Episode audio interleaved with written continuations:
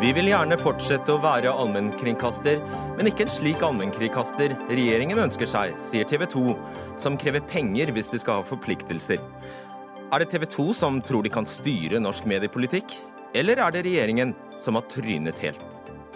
Navnene på de tre mennene som ble frikjent for voldtekt i Hemsedal, ble delt på sosiale medier av ofre som tapte saken. Er det greit, og er det lovlig å dele navn på frikjente i en alvorlig straffesak? Og hva har Ronald Reagan, Åse Kleveland og Chartersvein til felles? Jo, de er alle kjendiser som har gått inn i politikken. Og nå vil Raymond Johansen ha flere av dem på Stortinget.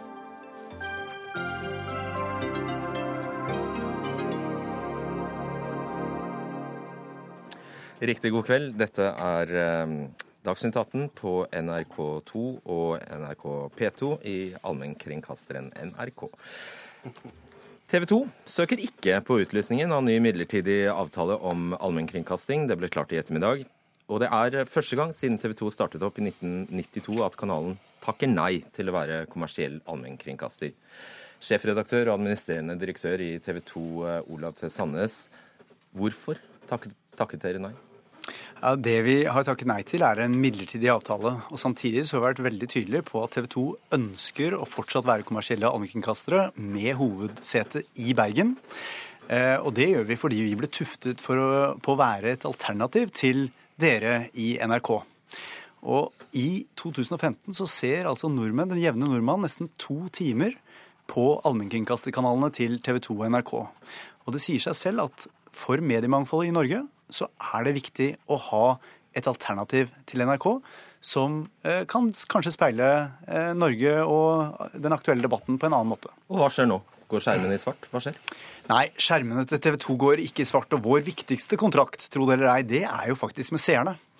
Og det vi nå gjør, er at vi retter blikket fast mot den saken og det forslaget som eh, kulturminister Helleland har sagt at hun vil presentere for Stortinget før nyttår i år. Der håper vi og tror på at det vil komme avklaringer rundt kommersiell allmennkringkasting. Det er sånn at Regjeringen selv har eh, i sin stortingsmelding åpen og opplyst sagt at de ønsker å legge til rette for kommersiell allmennkringkasting. Og det ser vi fram til eh, hva skal være. Da er det lett å bli forvirret, fordi det var en frist i dag. Ja. Eh, sant? Ja. Så, så, hva innebærer dette her? Altså, du, du takker nei til en midlertidig avtale. Og så håper du at uh, du kan sette premissene for en ny avtale. Er det sånn å forstå? Nei, vi kan ikke sette premissene for en ny avtale. Det er det politikernes uh, bord, og det må vi la politikerne håndtere. Det vi kan gjøre, er å forholde oss til en ny avtale når den kommer. Og det vi vet, det er at det er en intensjon om å skape en eh, langsiktig avtale på et senere tidspunkt. Og da vil vi være der, og vi har sagt at vi ønsker å søke på denne dersom den er balansert og forutsigbar. Bare Si kort, Hva er det du har sagt nei til i dag? Det er hovedsete i Bergen, og det er daglige nyhets, uh, nyhetssendinger. Det er det du ikke vil ha nå av? Nei, det vi har sagt nei til i dag, er en midlertidig avtale. Eh, en midlertidig avtale som vi også var overrasket over at ikke hadde et større element av allmennkringkasterprinsipper i seg. Jeg tror det kommer av at det var nettopp en midlertidig avtale. Nå retter vi blikket framover og håper at denne stortingsmeldingen, kommer, unnskyld, ikke meldingen, men saken, vil gi de nødvendige avklaringene for fortsatt allmennkringkasting i Norge. Bård Folke Fredriksen, du er statssekretær i Kulturdepartementet. Din uh, sjef, kulturministeren, er i uh, Rio uh, under OL der. Hva er hva er regjeringens reaksjon på at TV 2 ikke søker? Dere står altså med ingen søkere. Nei, altså, og Når TV 2-sjefen nå sier at de fortsatt skal drive med daglige nyhetssendinger og ha sitt hovedkontor i Bergen, så er det jo ikke heller noe dramatikk Eh, eller, og jeg er heller ikke spesielt overrasket over at eh, TV 2 har valgt å ikke søke. Så den Men, runden her var, det var ikke noe vits i den, da? Det var det fordi Stortinget hadde bedt om at vi utlyste en midlertidig avtale. Og det var vår intensjon, mens vi nå arbeider med eh, langsiktige initiativer for kommersiell eh, allmennkringkaster, at man også fikk en midlertidig avtale eh, på plass. Men det jeg tror dette illustrerer, er hvor i hvilken grad medievanene og folks bruk av medier er i endring, også teknologisk. Så vi er nødt til å retenke store deler av vår kulturpolitikk på dette området. Og Derfor har også regjeringen nedsatt Mediemangfoldsutvalget, som kom med sin innstilling i mars. Men, ja. Det det kan være veldig liten tvil om, er at du, må ha lest Sandnes veldig dårlig. Du har ikke forstått hva han ville ha. Jeg har forstått veldig godt hva Olav Sandnes det, ville ha. hadde han vel takket men, ja, da? Men eh, jeg, altså, vi har hørt veldig nøye på TV 2. Og derfor er jo den midlertidige avtalen som er foreslått, langt eh, bedre og mer attraktiv enn den inneværende avtalen man har. Men det er jo vik, eh, Ikke god nok. eh, Men, men det er jo viktig å si at det er jo ikke noe nytt at TV 2 ikke har en avtale. I 2009 gikk de store deler av året, hvis jeg ikke husker feil, helt uten eh, en avtale. Og Derfor er det ikke noe dramatikk eh, i dette. Ikke, ja, eh, forsøk å ikke snakke eh, fullt så eh, sta, stammespråk, Sandnes. Når du sier at dere etterlyser en allmennkringkasterprofil, hva betyr det? Det betyr at det ikke kun handler om nyheter. Det handler om nyheter pakket inn i en bred eh, innholdsportefølje. Og veldig mange som eh, Ikke så mye stammespråk, Ja, beklager deg, språket. Innholdsportefølje. Nei, eh, som, som kombinerer det med norske produksjoner, med drama, med eh, krav til, eh, til eh, også språk i både norsk og nynorsk. Og det er noe vi har vært stolt av å levere. Hvis du spør den jevne TV 2-medarbeideren hvorfor jobber du i TV 2, så er det fordi vi har levert på et bredt allmennkringkasteroppdrag eh, og vært et alternativ til NRK. Så det dere, vil håper faktisk, ja, så dere vil faktisk ha flere krav? Det er egentlig det det betyr. Eh, Vi ønsker å ha et allmennkringkasterprofil slik det har vært i 25 år. Men da må jeg få lov å spørre, hadde du søkt med flere krav hvis det ikke hadde vært noen kompensasjon inn, slik du visste at det ikke ville bli i denne avtalen etter Godt spørsmål. Nei, Vi har begrunnet, eh, eh, vi har begrunnet vår, eh, vårt nei i dag med to årsaker. For det første at dette er ikke en allmennkringkasteravtale. Vi opplever at det ville utvanne en allmennkringkaster, et allmennkringkasterbegrep i Norge hvis vi søkte på dette. Det andre er at det ikke foreligger noen motytelse, slik det har gjort siden 1992. Og det er ikke sånn at siden denne motytelsen pga. teknologisk utvikling ikke har noen økonomisk verdi lenger, at det ikke ligger noen kostnader relatert til å levere på å være et alternativ til NRK. Altså penger. Dere, altså, du sier dere, vi, vi vil gjerne ha flere krav, men da skal vi også ha penger. Ja, En motytelse som har en verdi, det har ikke vært penger så langt. Det har vært en enerett på landsdekkende reklame, det har vært distribusjon, og nå er det politikernes oppgave å se hvilke relevante motytelser kan det være nå. Og det er ikke vår oppgave å spekulere i. Bare veldig kort, Det var jo som skriften på veggen at han ville kreve det. At han, det alle har visst det. Ja, jeg syns TV 2 har vært eh, helt eh, ærlige på det. Men hvis man skal se for seg en eventuell økonomisk kompensasjon over statsbudsjettet til en kommersiell TV-kanal, så er det mange økonomiske, juridiske, politiske og praktiske spørsmål som må avklares først. F.eks. er det greit å gi statsstøtte til et kommersielt eh, eh, selskap? Hva betyr det for det selskapets mulighet til å gi utbytte til eierne? Hvordan forholder dette seg til EØS-avtalen? Og så må vi også spørre oss er det bra å gi statsstøtte til en kommersiell TV-kanal? Innfrir det de målene vi har for eh, kringkastingspolitikken? Eller eh, vil det skape nye bivirkninger som er uønsket? Så jeg, her er det et masse arbeid som er igangsatt og pågår, men som nødvendigvis må sluttføres. og Derfor utlyste vi bare en midlertidig avtale den gangen. Tor Gjermund Eriksen, kringkastingssjef i NRK. Er dette gode eller dårlige nyheter for NRK? Nei, altså Dette er ikke uh, noe som direkte påvirker uh, NRK uh, på kort sikt. og det er Som begge to sier her, jeg får ta litt kommentatorrollen her, ettersom dette ikke, ikke berører oss direkte. Det er jo ikke en, en veldig dramatisk situasjon på, på kort sikt. TV 2-sjef Sandnes sier at de vil fortsette med nyheter. De vil fortsette å være i Bergen. Det tror jeg han på. Eh, Spørsmålet hans, eh, det som er hans eh, problem, er jo at hvorfor skal han forplikte seg til å overfor staten til å levere noe han likevel eh, vil eh, levere, uten å få en kompensasjon. Så det er på en måte ikke noe stort poeng for han å ta denne avtalen. Så jeg har lyst til å, å, å si at at som kringkastingssjef så er jeg veldig opptatt av at NRK skal ha konkurranse. Den konkurransen har vi mer og mer av, og mer enn noen gang. Og det området jeg kanskje er minst bekymra for konkurransen, det er på nyhetsområdet. Eh, Det er det ikke bare TV 2 som står for, det er VG, det er Dagbladet, det er hele Skipsted, det er utenlandske i det hele tatt. Eh, Det er P- P4 og andre også. Men der jeg virkelig er, er bekymra for konkurransen i forhold til norsk kultur og språk, det er jo på drama, kultur, barn, altså den type ting. TV 2 har aldri hatt et så bredt allmennkringkasteroppdrag som NRK, og kommer aldri til å få det heller. De har ikke livssyn, de har ikke barn altså på samme måte som oss. Men på mange viktige områder, som Sandnes selv sier, så har de laget eh, eh norsk innhold. Eh, drama er et av de områdene, dokumentar et annet det er områder som NRK eh, er i for stor grad er alene om. Det er ikke først og fremst nyhetsområdet. Derfor er jeg veldig enig med Sandnes at man må være veldig forsiktig med å definere et allmennkringkasteroppdrag ut fra nyheter på TV fra Bergen. Som da regjeringen egentlig har gjort? Det er en for snever definisjon av allmennkringkasteroppdrag. Der fikk du den. Også for kringkastingssjefen. Eh, bare et spørsmål. Altså, hva, hvordan skal hvordan kan du kreve en kompensasjon, og kalle det, altså uansett hvordan man skulle innrette, eh, innrette den offentlige penger på et eller annet vis, når vi vet at disse pengene havner hos danske Egmont? Eierne våre er eh, vi glad for at vi har. De er langsiktige. Det er en stiftelse. Og det vi er forberedt på, dersom det kommer en balansert avtale, det er jo å legge fram en, avtale som sikrer, eller en modell som sikrer at eventuelle motytelser går til den relevante tjenesten. Det skulle bare mangle.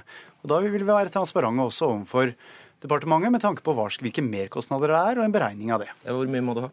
Ja, Det kommer an på hvilke forpliktelser som ligger der. Og det vil lyses ut, uh, håper jeg, så snart som mulig. Men eh, først til spørsmålet om eh, allmennkringkasteroppdraget. Jeg tror ikke det hersker noen tvil om at nyheter, aktualitet og debatt er kjernen i et allmennkringkasterbudskap. Og vi har fulgt opp det i tråd med det eh, Stortinget sa ved behandlingen av eh, stortingsmeldingen. Og så vet vi jo at norske TV-seere ønsker norsk innhold. Så TV 2 kan jo ikke slutte å produsere det folk vil ha. Da kommer ikke reklamekroner inn. Så det finnes jo andre mekanismer som sikrer god eh, TV også. Og det er jeg helt sikker på. Det, der tror jeg eh, TV 2-sjefen at de vil fortsette å produsere eh, ut ifra deres forståelse av et allmennkringkasteroppdrag. Ja, ja, men, men poen, jeg tror ikke vi er veldig uenige. Kjernen i det er det du sier. Samtidig så er det tradisjonelt sånn at et allmennkringkasteroppdrag består av både kultur, nyheter, eh, drama, ting som skal fremme eh, norsk språk og kultur. Sånn at det er jo ofte et bredere oppdrag enn det. Mm. Hvor lang tid har vi? Hva, hva snakker vi om her? Hvor lenge, hvor, lenge vedstø, hvor lenge, står det ved dette løftet om å, om å fortsette å være i Bergen? Det, det vi har sagt nå er at den, Det at vi ikke søker på denne midlertidige avtalen, eh, betyr ikke noe i forhold til hvordan seerne vil kjenne TV 2 på skjermen så er det sånn at uh, denne høsten så skal kulturministeren legge frem en sak eller et forslag til Stortinget. Da vil vi vite om det er handlekraft, politisk handlekraft, bak alle de fagre ordene. Og det ser vi fram til å, å høre.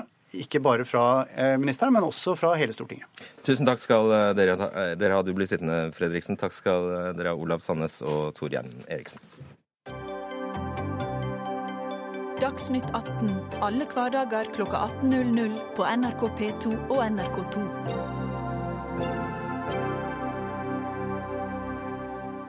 Ja, TV 2 vil ha mer, og det må de kanskje få. Dersom vi ikke skal gå tilbake til allmennkringkastingsmonopol her i, i landet. Det er vel noe denne regjeringen slettes ikke vil ha. Trygve Rønningen, du er administrerende direktør i Modern Times Group Norge. Det vil altså si TV3, Viasat, TV6 og P4. Eh, din reaksjon på at TV 2 har eh, sagt nei i dag? Nei, det er jo ikke overraskende i det hele tatt. Det var som forventa. Og det er sånn når det er et, eh, et, bytteforhold som er ulikt. Da blir det et nei til en avtale for den ene parten som føler seg at man ikke får igjen det man har fortjent.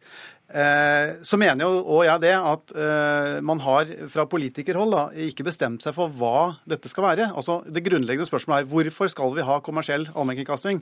Det er det ikke svart på. Og, og, nummer to er spørsmålet hva skal det da være?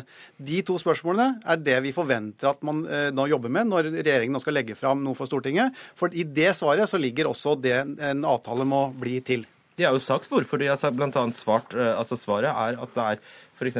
helt essensielt å ha daglige nyhetssendinger. Jo, men, det jo, men det er da en misforståelse av hva allmennkringkasting er. og Det har det vært sagt eh, flere ganger i debatten. Det er et for snever definisjon av allmennkringkasting.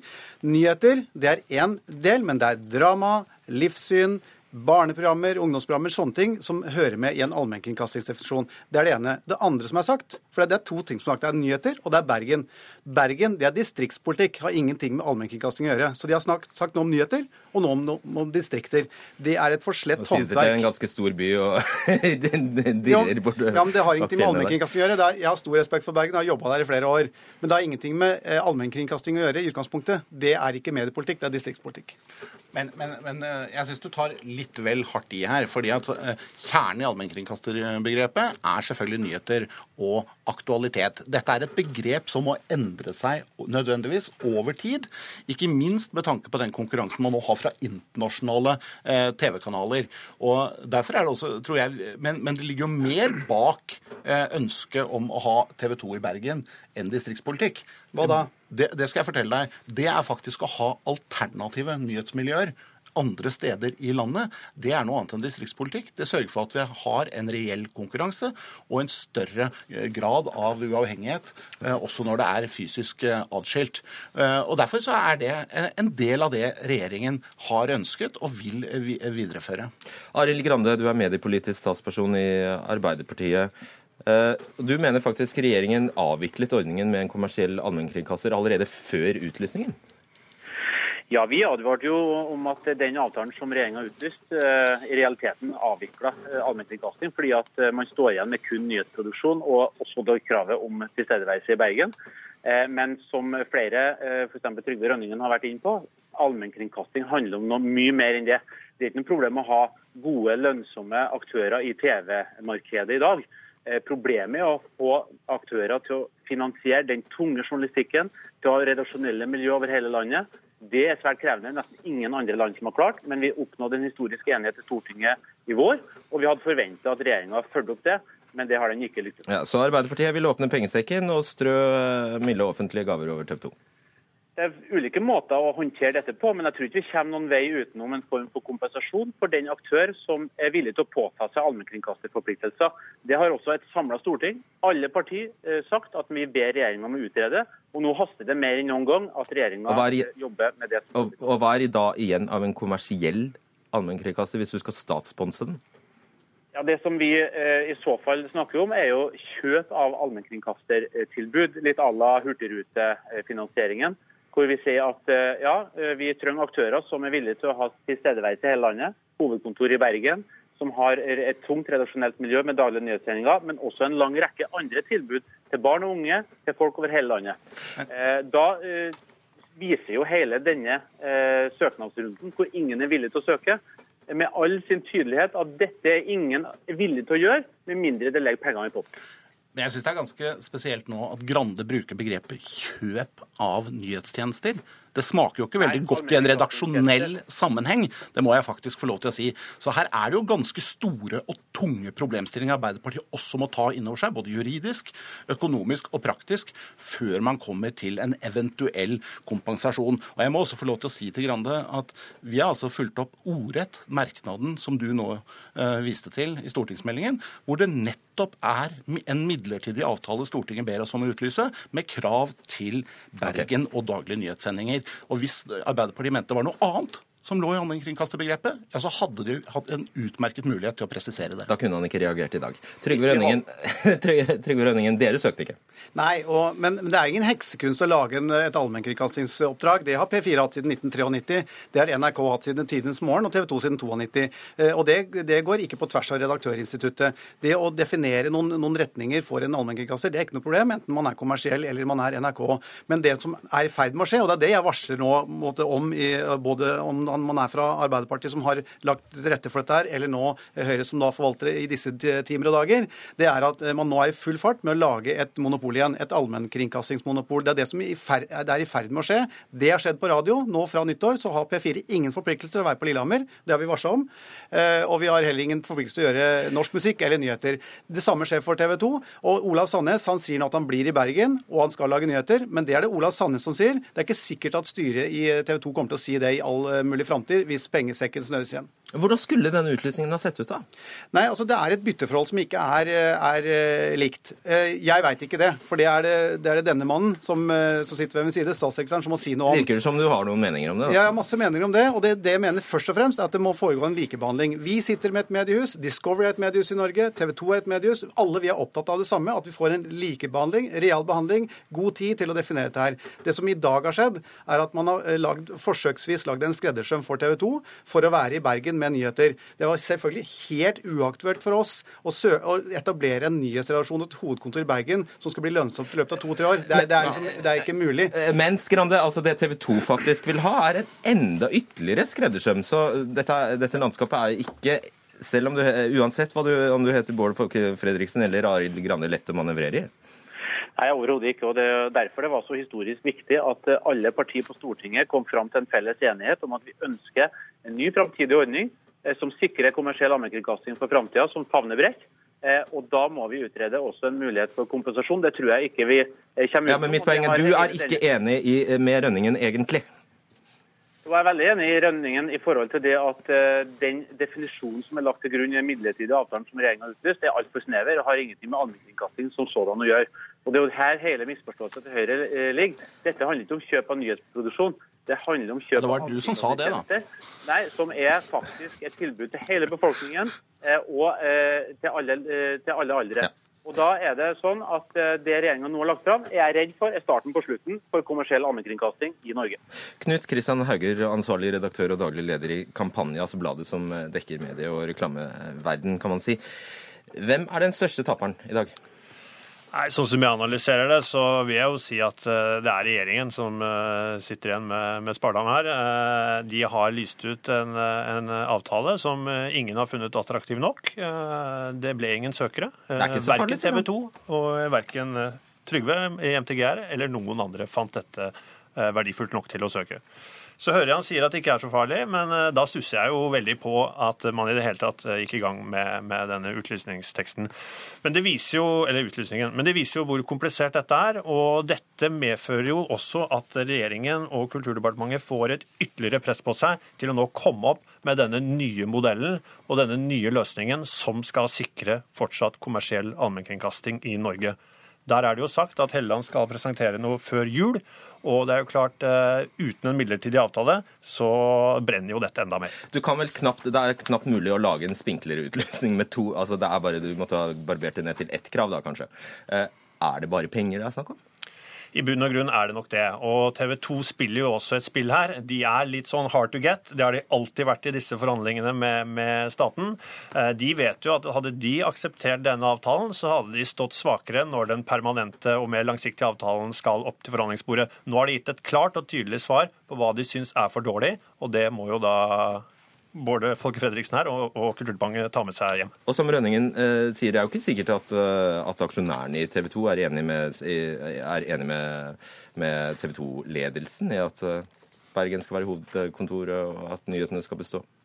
Nei, absolutt ikke. Eh, nå får jeg nå håpe at vi fortsatt får et sterkt mediemiljø i Bergen. Her har jo TV 2 gjennom 25 år vært en viktig bidragsyter til det. Men eh, at det skal være skrevet i stein for evigheten, det, det, er det alt annet enn sikkert. Ok, Du skal få siste ord siden det er en slags to mot én her. Eh, Bård Folke Fredriksen. Når, det er nå du skal vise hvem det er som skaper og, setter, og bestemmer norsk mediepolitikk. sant? At det er storting og regjering, og ikke TV 2. Det er det. Og rammene for eh, eventuelle avtaler som inngås, settes selvfølgelig av politiske myndigheter. Men det er jo frivillig å inngå uh, avtaler også. Så det betyr vel at du går ikke inn i forhandlinger med TV 2 om en ny avtale her? Nei, er, vi er jo allerede i gang med arbeidet med å se på de fremtidige modellene for, uh, for allmennkringkaster i kommersiell sådan i Norge. Og dette var en midlertidig avtale for å ha forutsigbarhet i perioden som gikk frem til det. Den hadde også oppsigelsestid. så Eh, så det, det, hadde vært mulig å, å, å se på det, det, også, hvis det var eh, frykten for å knytte seg til en avtale nå som var stor. Men jeg, vi skal bruke den tiden nå til å arbeide, arbeide med det fremtidige. Men det er en del ganske tunge økonomiske, juridiske og politiske problemstillinger som må løses før man, eh, man kommer f.eks. til en eventuell eh, kompensasjon. Det har vi skjønt. Og hva er det de sier i TV 2? Se hva som skjer? Ja. Takk skal dere ha. Bård Folke Fredriksen, Trygve Rønningen, Knut Kristian Hauger og Arild Grande med oss på telefon.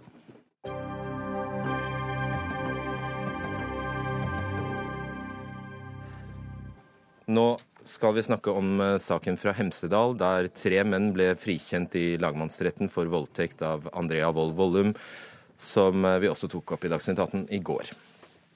Fire av sju dommere mente hun var dopet ned og voldtatt av mennene. Likevel ble de frikjent. Og nå har Vollum publisert navnene til mennene på sosiale medier for å advare andre. Elisabeth Hagen, du er bistandsadvokat for Andrea Wold Vollum. Hvorfor valgte hun å publisere navnene? Eh, hun valgte Hun la ut eh, eh, reportasjen fra Hallingdølen. Og ga uttrykk for sin mening om at dette har hun opplevd. Og så ønsket hun, som, hun, som, det ble skrevet, for at andre ikke skal oppleve det mareritt jeg var utsatt for, velger jeg å gå ut med navn. Og så la hun ut navn. Har hun lov til det? Ja, jeg kan ikke se hva som er til hinder for det. Nå er denne i, i talende, snakkende stund denne, denne offentliggjøringen delt i hvert fall 900 ganger på sosiale medier. Vi er vel enige om at gapestokkens tid er forbi, men det, ble, det, det fungerer jo sånn?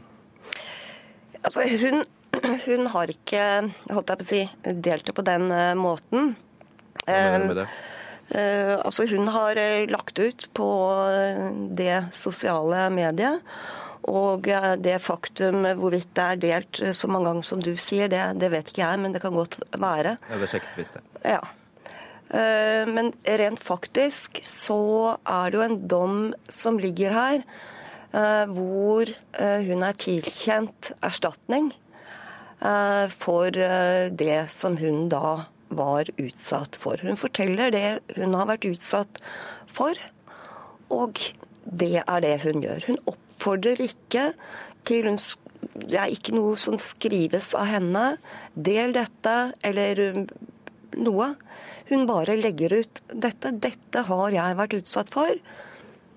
Dette er de personene som utsatte meg for det. Hun har lagt det ut sammen med artikkelen som gir et riktig beskrivelse, som gir en riktig beskrivelse av saksbehandlingen i lagmannsretten, hvoretter de ble frifunnet. Mm. Ja. Arne Seland, du er forsvarer for en av de tre mennene. Hvordan har din klient reagert på å bli navngitt i dag? Ja, Problemet er jo det at det er ikke en riktig historie som fornærmede har lagt frem her. Hun har med god hjelp av Hallingdølen har skapt en helt feilaktig bilde. Og det har skapt en lynsjemobb. Og når man så da offentliggjør navnene på disse tre, så styrter lynsjemobben mot disse. Så min klient og de andre også mottar en rekke trusler på SMS og på uh, sosiale medier. Og da vil jo mange sikkert si vel fortjent. Virkelig ikke. De er frikjent for dette her. De er frikjent ved to runder i lagmannsretten. Det går ikke an å bli mer frikjent enn dette. Og det som er viktig, er å få et litt mer riktig bilde av det som skjedde. Ja, men det, det jeg vil ønsker å kommentere til det I det som Andrea har lagt ut, så er det ingen oppfordring til at uh, de tiltalte eller de frifunnene skal bli utsatt for noen hets eller lynsjing. Nei, men det er konsekvensen det, av at jo, hun legger ut dette, da, og når hun først har skapt et uriktig bilde. Må, nei, hun har ikke skapt et uriktig bilde. Da må de, din klient og de øvrige, dersom det er slik at de mottar trusler, så må de anmelde de truslene. De truslene kommer ikke fra min klient. Beskyldt ei klient for å komme på bakgrunn av noen ei heller på bakgrunn av noen oppfordring fra henne. Dette har hun full anledning til og, å gå ut med. Og dere er ikke uenige om at det er lovlig det hun gjør? Lovlig det hun gjør. Problemet er at hun har lagd den uriktige historien og så går ut med, ja, men med navnene på, på det med lovligheten av. Nei, det er ikke lovlig. Jeg har aldri påstått at det er ulovlig, men det skaper enorme problemer. Og vil oppfordre alle som har tenkt til å sende trusler, eller har sendt trusler, slutt med det, altså. for Ja, det tror jeg vi underskriver på alle sammen. Jeg jeg skal bare ille ile til, og da, da, da notere, eh, vi skal notere oss at eh, da, her er dere forsvarsadvokater ikke helt enige om uh, jussen. En av de andre forsvarerne vurderer altså muligheten for politianmeldelse for krenkelse av privatlivets fred, og ser på sivilrettslige muligheter, f.eks. et pålegg om fjerning av navn eh, på nett. Ja, Ser jeg som uhensiktsmessig. Ja. Eh, Guro Sibeko, du er lærer og forfatter, og er en av dem som eh, har eh, delt disse navnene på sosiale medier. Og du skrev til og med at alle bor i Oslo og to jobber i barnehage. Hvorfor gjorde du det? For det første er det jo rein egeninteresse for meg. Altså, dette er den siste muligheten vi har til å advare samfunnet mot tre voksne menn som har en historie med å prøve å dope ned jenter, og som er dømt til å betale erstatning for å ha dopa ei ung jente bevisstløs. De har beviselig båret henne over skulderen inn i ei campingvogn, og de har brukt henne som sexrobot hele natta. Ja, og når ikke rettsstaten ikke tilbyr kvinner beskyttelse mot slike overgrep, så må vi faktisk ta vare på oss selv og hverandre. Og dette har jeg fra dommen. Det har jeg ikke fra medier, eller aller minst fra denne Andrea, som jeg aldri har møtt. Nei, Og- Kjenner du saken utover det du har lest? Ikke utover det jeg har lest i dommen. Jeg jeg har lest, Men de er jo uskyldige. Eh, Nei, det er de ikke. De har fått straffefrihet. Fordi det kan hende at de ikke har skjønt at unge jenter ikke liker å bli dopa bevisstløse, og så båret over skulderen inn i en eh, campingvogn og bli brukt som sexroboter hele natta. Og hvis de er så intelligensmessig utfordra, da er det desto viktigere at vi får beskytte oss mot dem, for da er jo gjentagelsesfaren kjempestor. Selam. Jeg må få kommentere dette med bevisstløs. Det var slik at hun kjente igjen taxisjåføren ved neste gang. Slik at du, Hvordan kan du ha vært bevisstløs når du først hun tok opp ved neste gang dere vi- la, oss, eh, la, oss ikke, ikke, la oss snakke om det prinsipielle ved å offentliggjøre navnet. Sibeko, i hvilken grad eh, reflekterte du rundt konsekvensene ved å spre nå, nå hører du om dem, og spre disse navnene? Eh, For meg så var ikke det en vanskelig avgjørelse i det hele tatt. Altså, det er klart at jeg forstår at det kan eh, få konsekvenser for de det gjelder. Men de er en del av et samfunn som har krav på beskyttelse. Som sagt, hvis ikke rettsstaten kan beskytte kvinner mot voldtekt, så må vi faktisk gjøre det selv. Og så er det jo også sånn at om Gjelder de får dette i smake alle på saker der du er uenig i kjennelsen eller sånn dommen? At om de får smake på bitte litt av den sosiale angsten og usikkerheten og panikken og mistilliten til verden som den unge jenta må leve med resten av livet, i tillegg til at hun selvfølgelig skal ha flashbacks og søvnmangel og konsentrasjonsvansker og sånt nå, så syns jeg ikke synd på dem. Hevn, altså. Det er hevn. Nei, overhodet ikke. Det var det du beskrev nå. det, nei, det sier jeg ikke. Det at dette får noen konsekvenser for dem også, sorry. Men Det er betyr ikke dette helt prinsipielt, Sebeko, betyr dette at du, du vil finne på å gjøre dette her? Dette kan du, mener du at man, eh, enhver kan gjøre i enhver straffesak der man er uenig i dommen? Dette er ikke enhver straffesak. Dette handler om at de faktisk er idømt å betale erstatning for skader de har påført ei ung jente. Den type Hagen, hva- mennesker ja. med den type holdninger er meget farlige for dette samfunnet. Hagen, hva mener du? om uh... Jeg, eh, altså, hvis, hvis dette er greit, hvor går grensen? Altså, det som er, er at Hallingdølen har skrevet en artikkel om saken som gjenspeiler det som rent faktisk har skjedd. Og det må eh, dere som journalister gjøre. Og så har min klient eh, gått ut på et sosialt medium. Hun har lagt ut denne artikkelen. Så har hun av hensyn til andre, eh, andre kvinner sagt at jeg finner å legge Nei, det, de navnene ut. Altså, har ikke de som altså er like det eller ikke, er frikjent, har ikke de rett til å forbli anonyme? Det er spørsmålet. Ja, hvor er det du har det fra? Hva da? At de, at de har eh, rett på det. Og selvfølgelig, altså det, som, det er ingenting i det som er lagt ut som er uriktig. Alt som er sagt og gjort her, det finner du igjen i dommen. Og dommen er eh, ikke hemmelig, den er offentlig. Hun har, hadde hatt muligheten for å legge ut denne dommen uh, uten at navnene var sladdet. Og så kunne folk lage seg opp en egen mening om det. Det er jo slik at Det er ikke riktig at det som fremkommer i Hallingdølen, kom, fremkommer i dommen. Ikke snakk om det nå. Snakk, om- snakk om offentliggjøringen av Ja. navnene. Seland, eh, vi, eh, det er jo, det, altså hvis man, man kan jo bare gå inn og lese dommen. Det er sant, det. Ja, jeg har ikke sagt at det er ulovlig å gi disse navnene. Jeg har bare sagt at det er meget uheldig hvordan det er gjort på i denne saken her. Hvor man har skapt en lynsjemobb, og så oppgir navnene, og så løper den lynsjemobben mot disse tre uskyldige guttene. Og det er meget uheldig. Dette er ikke noe lynsjemobb. Dette er ei jente som har strevd gjennom de to siste årene, og så har hun kommet til at nei, vet du hva, jeg står opp for meg selv. Jeg viser ansiktet mitt. Det er, det, det er si, hovedbiten av det som Andrea gjør nå. Hun tør å stå opp og stå fram og si at dette eh, Det er meg. Dette har jeg opplevd. Det ja, syns jeg er flott at hun gjør. Jeg ser jo selvfølgelig at man kan ikke eh, gå ut og, og, og flagge samtlige frifinnelser og, og sånn her, men, men det er faktisk en dom som som enhver kan innhente fra lagmannsretten. Eh, Sibeko, du går altså hakket videre og, og forteller at de, hvor de jobber Altså ikke nøyaktig hvor de jobber, Jeg- jeg men hva de jobber med, i hvert fall. Jeg vet ikke hvor de jobber. Eh, Men hadde det vært mine barn som gikk i en barnehage der noen av de ansatte ikke bare har gjort noe sånt, men som også er dømt for det og har valgt å anke fordi de åpenbart ikke selv syns at det er galt å dope unge jenter bevisstløs eh, og bruke dem som sexroboter hele natta, så, så tenker jeg at det vil jeg gjerne vite, for da vil jeg gjerne ha ungen min i en annen barnehage. Sånne holdninger bør ikke føres videre til barn.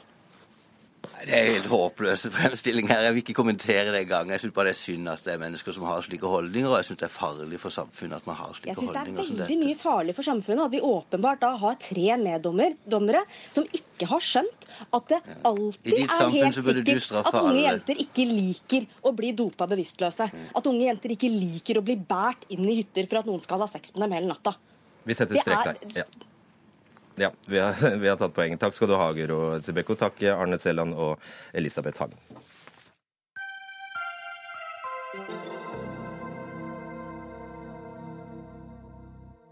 Kan kjente navn som Ulrik Imtias Rovsen, Frode Kyvåg, Geir Lippestad og Birgit Skarstein få opp interessen for politikk her i landet?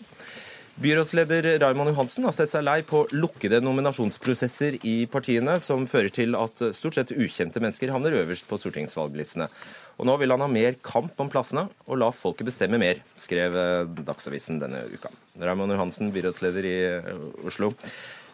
Eh, Kan ikke du starte med å forklare, ikke, ikke veldig lenge, men forklare hvor lukket og hvor omstendelig disse prosessene Så- i, i partiene kan være?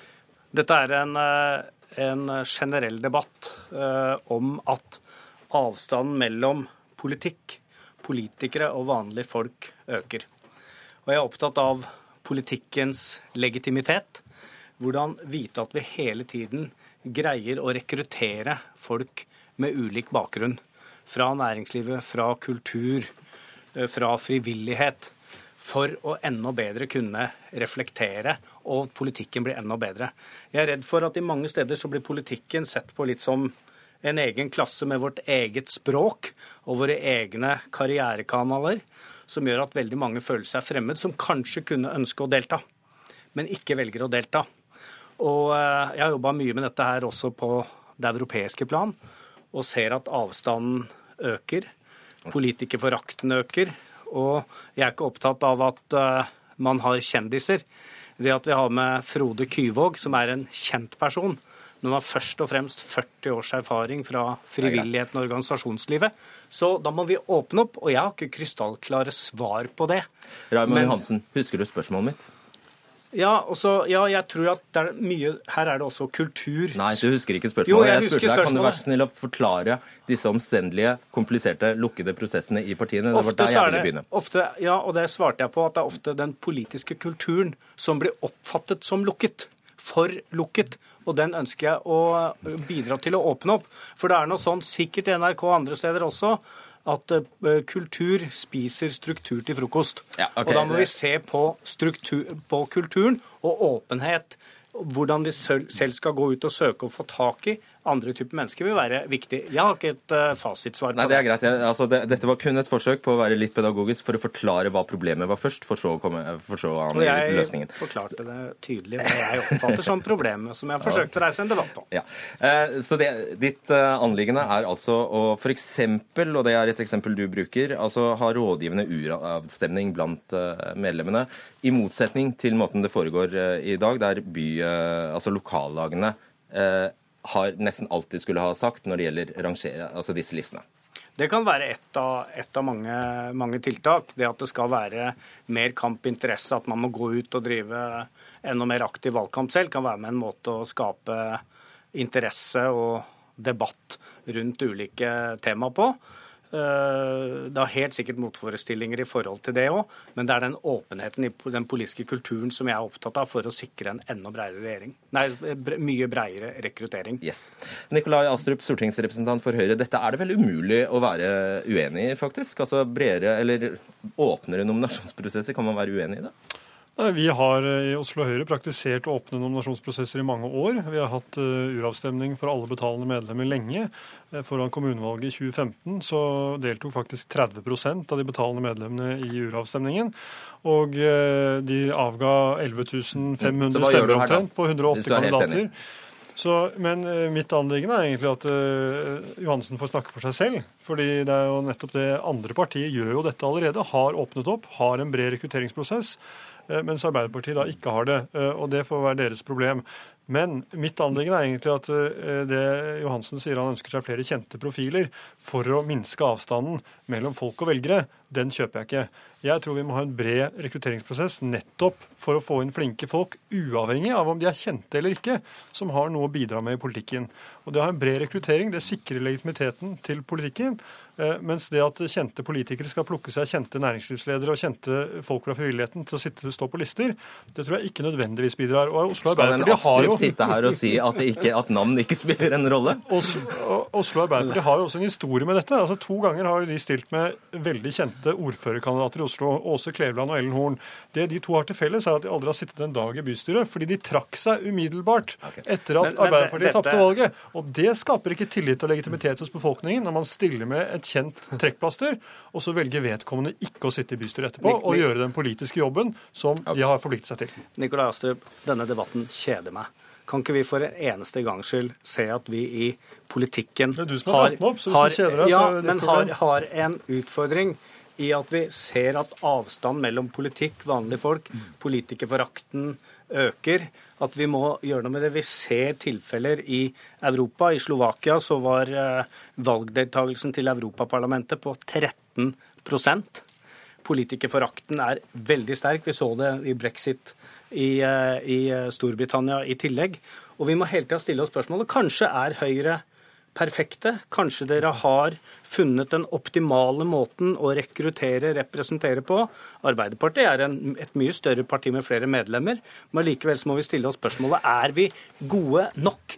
Framstår vi som en åpenhet åpne nok? Er det oppfattet at det er mange ulike veier fram til å ha politisk innflytelse? Jeg har de siste dagene fått mange henvendelser fra folk som sier endelig, vi har lyst til å drive med politikk, men vi oppfatter at politikken framstår som for lukket. Og vi har lyst til å gjøre noe med det. Så har ikke jeg innrømme det at jeg har ikke alle fasitsvarene på det. Men det å være å plukke inn folk med ulik erfaring, de bør ikke være kjent. Frode Kyvåg er ikke kjent fra Paradise Hotel. Han er kjent fordi at han har oppnådd noe og gjort noe. Det kunne vært andre som er langt mindre kjente enn han. Men her hadde jeg trodd at det skulle være et, en felles bekymring for politikkens legitimitet og oppslutning og okay. interesse. men vi er helt enige om målet. Målet er å ha en bred og åpen prosess som rekrutterer flest mulig mennesker som har noe å bidra med, uten at man nødvendigvis har gått partiveien, og det mener jeg er positivt. Problemet er at det er du som har trukket opp at du gjerne vil ha flere kjente profiler, og at det er det som skal løse det. Og det mener jeg at det er flott med kjente profiler som ønsker å engasjere seg, men det er ikke slik at fordi du er kjent, så blir du en god politiker. Ja, men Det er vel heller ikke sånn at det er motsatt. at Hvis du bare gjør deg, altså Du kan jo sitte på Stortinget i 30 år uten å være kjent i det hele tatt, og uten å gå helt under radaren. Er det bra? Nei, det er ikke bra. Det er jeg helt enig med deg i. Men eh, det, betyr, det at du ikke vet hvem de er, betyr ikke at de ikke er kjent der de kommer fra. Man representerer ulike deler av landet. Alle har sin rolle eh, i et sånt system. Men mitt poeng er simpelthen at det, det å ønske seg kjendiser for å løse et Ja, men- grunnleggende, mye mer alvorlig men problem, nå har du- Det var ikke det han sa. Men- men nemlig Nikolai mindre Astrup, legitimitet. du- det var det han sa til Dagsavisen. Jeg registrerer at jeg har- eh, han forsøker ikke- å gå bort fra Det si. Nikolai Astrup, vær så snill, ikke lag dette til en sånn eh, vanlig andedamspolitisk diskusjon. Jeg har aldri nevnt ordet kjendis. Jeg har brukt eksempler på kjente navn som har mye å bidra med, vist til fra norsk samfunnsliv, som igjen har vært med og beriket politikken. Jeg brukte det som et eksempel på kjente navn. Mm. Jeg har aldri nevnt ordet kjendiser. Det bør ikke engang vært kjent navn. Jeg nevnte eksempler på at de har, de har mye å bidra med, og så kan vi diskutere. Men vi er enige om hvor vi vil hen. Eh, Det er helt åpenbart. Men det jeg vil trekke frem også, er at dere har jo tross alt eh, mulig, hadde muligheten nå rett før sommeren til å stemme for et forslag som ville gitt velgerne større innflytelse over listene til stortingsvalg. Nemlig ved at man kunne gi dem et ekstra persontillegg, noe regjeringen foreslo. og Ja, dere hvorfor sa stemte mot. Arbeiderpartiet nei til det? Altså, jeg mener det samme eh, med bekymring rundt deltakelsen og innflytelsen i politikken. Det som var Arbeiderpartiets beveggrunn for å gå mot det, riktig eller galt, var at all erfaring viser bl.a. stor utfordring med å opprettholde en kjønnsbalanse. Det har vi også erfaring med, at det bare da hovedsakelig kommer inn menn. Okay. Så det var en bekymring, kanskje riktig eller galt, men det var da begrunnelsen Dette har å, jo, jo for å gå inn. Vi Ja, men jeg skal få lov å legge til at Nei, dette har du i. Sverige. Ja. eh, Og det fungerer Johannes Berg, du er forsker ved Institutt for eh, samfunnsforskning. Eh, Raymond Johansens anliggende er faktisk, eh, vi får tro ham på det, at eh, nominasjonsprosessen må bli mer demokratiske, og altså at engasjementet eh, må opp. Hvordan har man et svar på det? Hvordan sikre det? Ja, altså Det svaret som Høyre har i Oslo, er jo for så vidt et svar at man har åpne uravstemninger hvor alle medlemmene i partiet kan eh, delta i nominasjonsprosessen. Det er jo en mulighet. Den ordningen vi har nå, er jo sånn at det er en veldig liten andel av velgerne i landet som har en innflytelse over hvem som havner på listene til stortingsvalg. Det er en forsvinnende liten andel, så hvis man skal eh, gjøre noe med det, så kan man åpne opp eh, nominasjonsprosessen på et eller annet vis. Eh, Det andre svaret man kan gi, er jo personstemmer ved stortingsvalg, som, som ble foreslått i vår, men som da ble stemt ned i Stortinget. Eh, bare ta den første modellen. Der mm. har vi jo eksempler fra f.eks. Oslo SV, der eh, Akhtar Shodri klarte å massemobilisere pakistanere eh, i Oslo, så, men han, han greide altså til slutt ikke å slå Heike Heikki, Heikki Holmås. Mange vil vel si at det ikke nødvendigvis bare ga positive utslag. Eh, Det kan man si. Det er klart Når man åpner opp for en mer eh, demokratisk eh, ordning med mer velgerinnflytelse, så åpner man også opp for usikre alternativer, og man åpner opp for at partiene mister makt, rett og slett. Så, det er jo det man velger når man velger en mer, mer åpen løsning. Samtidig så har jo partiene innflytelse, og det er jo tross alt medlemmene i partiene som stemmer i disse uravstemningene. Og når det gjelder dette med personstemmer, Raymond Johansen, ingen har bedre erfaring med det enn deg. Du har kanskje norgesrekord i å bli strøket. 2000 ganger ble du strøket i 95. Du røk ut av, av bystyret. Ja, og det, og det, det var en tid hvor faktisk eh, de som ikke likte deg, hadde dobbelt så stor makt enn de som likte deg. Så jeg hadde faktisk, For det gikk an å stryke deg to ganger, mens det gikk an å kumulere deg én gang. Så jeg hadde egentlig Så du vil ikke tilbake til dem? Hvis vi skulle se på like eller mislike, så hadde jeg faktisk noen flere som likte meg, enn som mislikte meg. Og jeg tålte veldig godt å ha det. Men når vi ser på dette med åpne rekrutteringer, så ser vi i Storbritannia så har de en spennende diskusjon der rundt velgerne av lederen av Labour, hvor det har vært en massiv innmelding i Labour fra en ytterliggående venstreside for å sikre fortsatt lederen. Så det er klart det er mange på den ene og på den andre siden her. Men jeg tror ikke politikken, eh, politikken framover må kunne åpne seg også være dristig. Helt hvordan i detalj det skal være, vet jeg ikke. Og helt til slutt, altså, eh, den mest, Et av de mest nærliggende eksemplene her er eh, Oslo Arbeiderpartiets egen bystyregruppe, som nå består av 14 menn og 6 kvinner. Eh, Du vil altså ha mer av de prosessene som eh, kan gjøre denne f.eks. kjønnsforskjellen enda, enda større? Altså det eh, Forslaget som kom fra regjeringen i vår, er ganske moderat eh, ved persontillegg i stortingsvalg. Eh, og, langt mer moderat enn det det er ved kommunevalg. Men det gir altså velgerne større innflytelse enn det de har i dag ved stortingsvalg. For i dag har de ingen innflytelse over rangeringen av kandidatene eh, ved valg. Og så tenker jeg at Den britiske eksempelet er jo et eksempel på hvordan det kan gå helt galt. fordi Der betaler man altså tre pund for å kunne stemme, uavhengig av om du egentlig stemmer på det partiet. Dette er jo mener mange, en av grunnene til at Corbyn ble valgt. Fordi mange konservative velgere registrerte seg og stemte på ham. Eh, og det er klart, det, Sånn kan vi ikke ha det. og Derfor er også vår uravstemning rådgivende. Og så er det til syvende og sist representantskapet i Oslo Høyre som bestemmer hvordan listen vår skal se ut.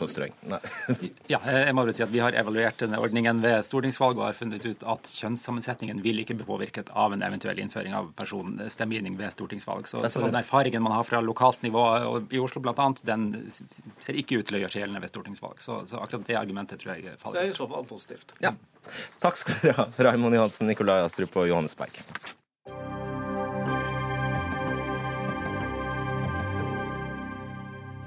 Boligprisene fortsetter å stige. Vanligvis eh, faller boligprisene i juli, men i år steg de også i den roligste sommermåneden.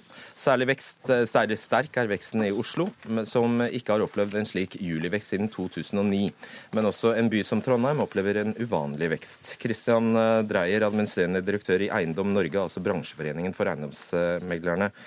På landsbasis steg boligprisene denne måneden med 0,2% Hvor dramatisk er det vi ser nå, egentlig? Det er jo en tredeling av markedet, så, så det, er, det, er, vanskelig å snakke om ett boligmarked i Norge. Men eh, det som overskriftene eh, på en måte preges av nå, det er jo Oslo-markedet eh, og en del av byene rundt Oslo. Som har en ganske ekstrem vekst. For første gang jeg har kommentert boligpriser i åtte-ti ja, år nå. og eh, Dette er første gang jeg har brukt ordet eksplosiv eh, om Oslo-markedet, og det, det, må jeg si at det, det er det. Eh, vi har en, eh, vi har en årsvekst siste tolv månedene på over 15% Siste fem årene så har boligprisene boligprisen i Oslo steget med 50% Det er snitt på 10% i året. Og det er ganske mye mer enn hva lønnsveksten til folk flest har, det er osv. Og eh, da bare, skal jeg bare spole litt raskt fram her. Det er da du altså støtter et forslag fra Arbeiderpartiet. Hva, hva, hva er det du hva er ja. du er enig? Nei, Det har blitt en bedre og bedre forståelse blant politikerne at boligbygging og eh, boligprisvekst har en eh, ganske klar sammenheng. Eh, men det som jeg syns det er for lite fokus på, er å ha gode prognoser på hva slags boligbygging som kreves. Nede både nasjonalt nivå, men enda viktigere regions- og kommunalt nivå. Vi ønsker oss at man forsker med at det er statlig ansvar å sørge for at det er god, god forskning på hva slags boligbygging som trengs. Og ikke minst, og egentlig enda viktigere, at kommunene får et ansvar for å legge til rette for den boligbyggingen. Altså lovpålagte boligplaner, lyder forslaget. Det er det Arbeiderpartiet har foreslått. Yes. Lovpålagte boligplaner, Marianne Aasen, stortingsrepresentant for Arbeiderpartiet. Høres sånn passe planøkonomisk ut? Ja, som er passe nødvendig, vil jeg si. Når du har en situasjon over noe som er så viktig som bolig. Eh, så det er en menneskerett for folk å bo. Det er en av de viktigste jobbene for oss som politikere i Norge, er å sikre at eh, folk har et sted å bo. Eh, og det kommer mange ungdommer nå som vil få store problemer med å komme på et boligmarked. Og da må vi ta det på alvor og bruke de virkemidlene som er nødvendig. Eh, vi mener at regjeringa er altfor passiv. De eneste de har gjort, er å kutte 7 milliarder i Husbanken det siste tida. De strammer inn på startlån og kutter i bostøtten, mens vi har lagt fram i Stortinget ti konkrete forslag til å gjøre noe med, eh, med, å få opp tilbudet på boliger. Og vi er veldig glad for at vi, at vi får støtte fra eh, Ja, litt overraskende. Det. Ja, men det, det, jeg syns det er hyggelig. Men det også viser jo at det er konstruktive forslag. Mm. Eller at dere har sammenfallende interesser. Hvem vet. Jan Tore Sanner, kommunal- og moderniseringsminister fra Høyre. Er, blir du skremt av en boligprisvekst på 14-15% i Oslo? Ja, det gjør jeg. Og det er eh, et stor utfordring i Oslo og Trondheim at det bygges for lite. Det som vi må få til, det er at det må bygges mer, raskere. Vi må få ned kostnadene. Derfor så har vi satt i gang den største forenklingen av plan- og bygningsloven og tekniske forskrifter noensinne. Og Det gjør vi fordi at eh, det skal bygges raskere. Vi må få planprosessene, tiden som kommunene bruker på å legge til rette for nye boligbygg, det må vi få ned. Eh, og vi vil få ned kostnadene. Det har vi nå gjort. Eh, vi har lagt frem også forslag i Stortinget som innebærer at man kan halvere planleggingstiden. Det vil bety mye for boligbyggingen. Det gjør at boligprodusentene sier at regjeringen har levert på sin vakt. Vi har gjort det som eh, trengs. Vi kommer til å gjøre enda mer. Vi har forenklet kravene til de små leilighetene, som gjør at de som, de, de som nå skal flytte inn i de minste leilighetene, kan få kuttet prisen okay. på 200 000-300 000 kroner. Og så må jeg bare si at de forslagene som kommer nå, Det er helt feil medisin. Jeg har ikke tenkt å bruke eh, embetsverket og statsbyråkrater til å lage nye lover. Det er å slå inn åpne dører. Jeg skal bruke mine folk til å forenkle eh, lovverket, slik at det kan bygges raskere og billigere. Ja, kommenterer det veldig rett. Ja, eh, Det er en voldsom vekst i byråkratiet under denne regjeringen, som de sa de skulle bygge ned. Eh, Og det skjer på en del andre områder da, som de mener er åpenbart mye viktigere enn bolig. Jeg syns også veier og jernbane er viktig, men der har det vokst noe voldsomt i byråkratiet. Eh, og jeg syns det er underlig at det er et argument eh, mot noe så viktig som boligpolitikk. For det som Jan Tore Sanner glemmer når han snakker om den forenklingen sin, som i og for seg kan være gode forslag, det er ikke det, dette er et, ikke et konkurrerende virkemiddel i og for seg, men det er det at eh, tomtepolitikk er helt fraværende i denne regjeringen. Og tomtepolitikk er viktig å få på plass, sånn at du får nok Men tilgang Marianne på Aasen, Marianne Aasen, nå snakker du mot bedre vitende. For det første så er det jo slik at kommunene har dette ansvaret gjennom plan- og bygningsloven. Eh, Å innføre og bruke nå tid på å utrede og lage en ny lov, det er fullstendig bortkastet. Helt unødvendig. Kommunene har ansvaret. Det andre det er at når det, gjelder når det gjelder tomtepolitikken, så har vi nettopp tatt tak i det. Fordi at vi er nødt til å se kollektivtransport og arealutnyttelse i sammenheng. Derfor får vi nå på plass eh, byutviklingsavtaler som gjør at vi, at vi løser denne utfordringen. Og statistikk. Det er jo ikke mangel på statistikk som gjør at Raymond Johansen bygger for lite i Oslo.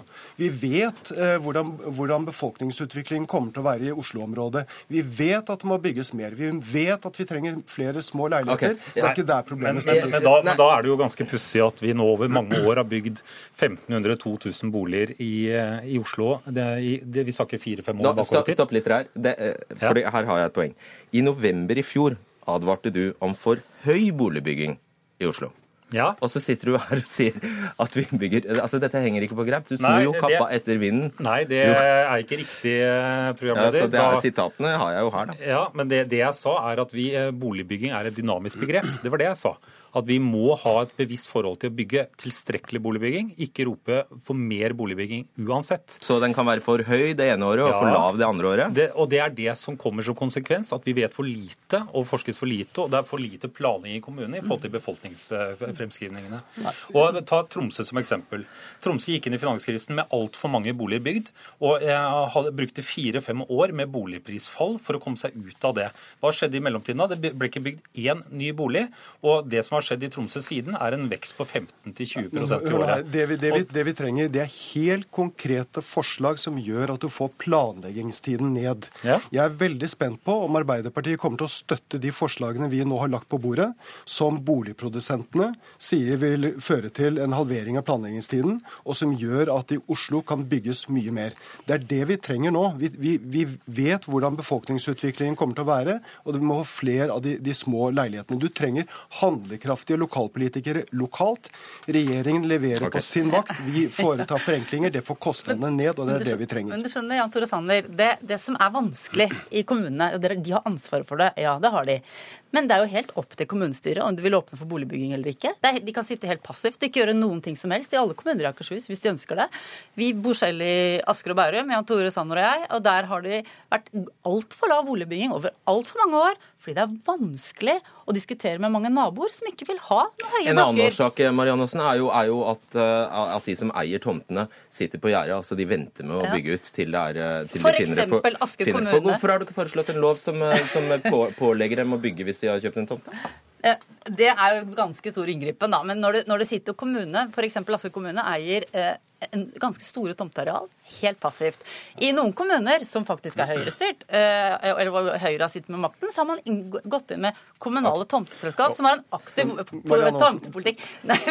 De har en aktiv tomtepolitikk. Og det går eh, eh, Vil du at det skal skje i alle kommuner? Et halvt minutt på deg og et halvt minutt på deg. Jeg vil at man skal bygge mer og man skal bygge raskere. Arbeiderpartiet er nå tilbake til den gamle planøkonomiske politikken og tror at en ny lov vil bidra til at det bygges mer i kommunene. Det er ikke der problemet stikker. Vi må forenkle slik at det blir, at det blir enklere. Jeg har også nå Og imens hevet, eh, hevet skyter bare boligprisene i taket. Nei, jo, men hør nå her. Eh, Andre kvartal i 2016, altså i år, så du må tilbake til 1999 for å, for å få flere igangsatte boliger. Det bygges nå mer enn det det har vært gjort før.